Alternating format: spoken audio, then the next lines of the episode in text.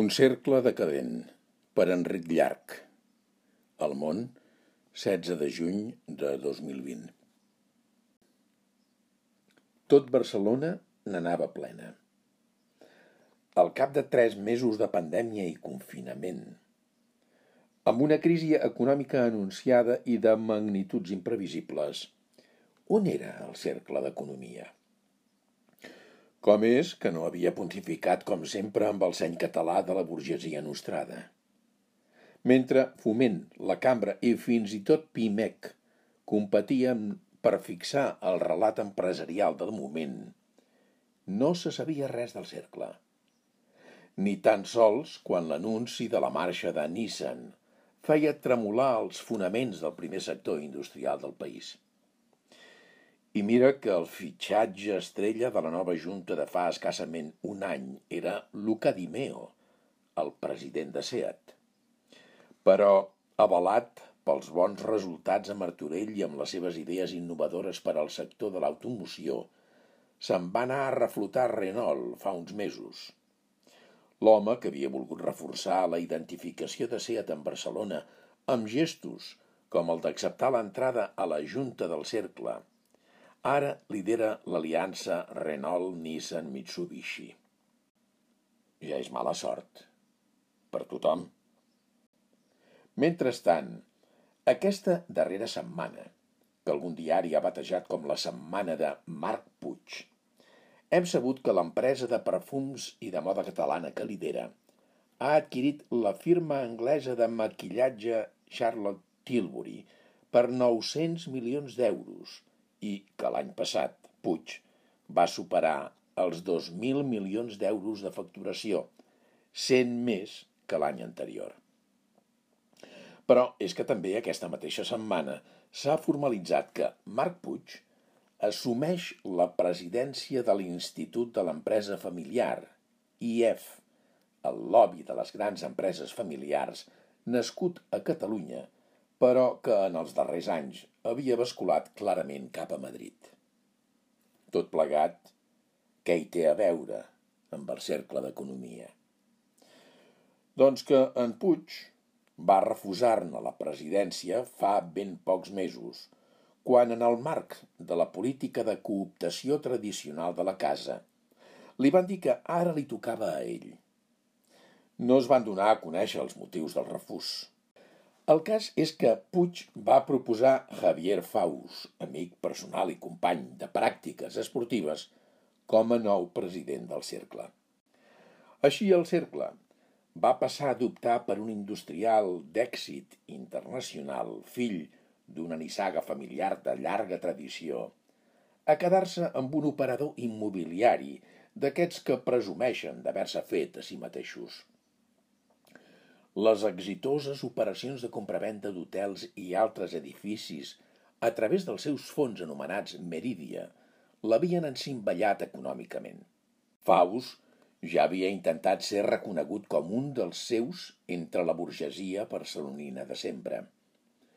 Vicepresident durant 11 anys al Club de Tenis Barcelona, el 2010 esdevingué vicepresident econòmic i estratègic de la Junta del Barça presidida per Sandro Rosell, un home de la seva mateixa lleva. Faus fou l'encarregat de negociar la vinculació de Qatar amb el club, que finalment quedà tan qüestionada, i la precipitada marxa de Rosell anà quasi immediatament acompanyada de la seva. L'accés a la presidència del Cercle, quatre anys després, culminava el reconeixement social d'un d'aquells personatges que havien aprofitat l'èxit de Barcelona, la seva primera gran operació fou la compravenda de l'Hotel Ars, per fer els seus negocis. Sí que és cert que l'anterior president efectiu del cercle, Juanjo Brugera, també venia del sector immobiliari de Colonial, però era una empresa vinculada històricament al grup Caixa, i això li atorgava una pàtina de moderació que només oblidava quan parlava del procés independentista. Faus va semblar al principi que es desmarcava de l'obsessió antiindependentista del seu predecessor i demanava que la classe dirigent barcelonina reconegués les seves mancances a l'hora de competir amb Madrid.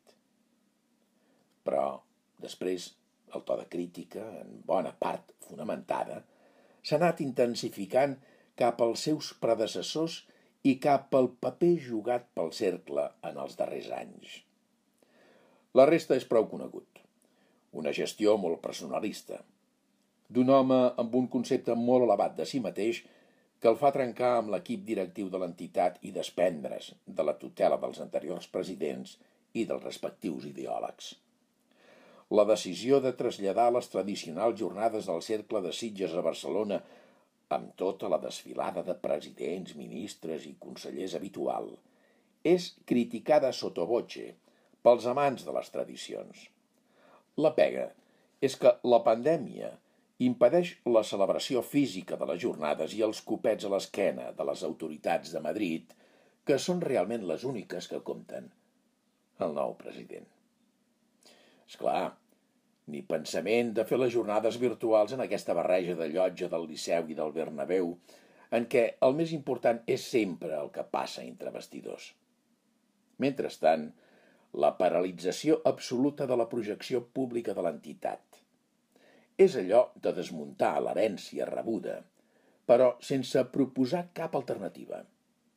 Probablement un conflicte més generacional i de caràcter personal que altra cosa, però un senyal evident que els vells mecanismes per controlar la continuïtat del cercle ja no serveixen.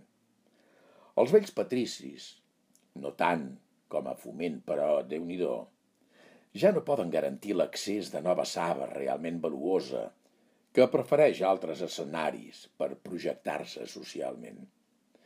I els substituts no estan a l'altura de les circumstàncies.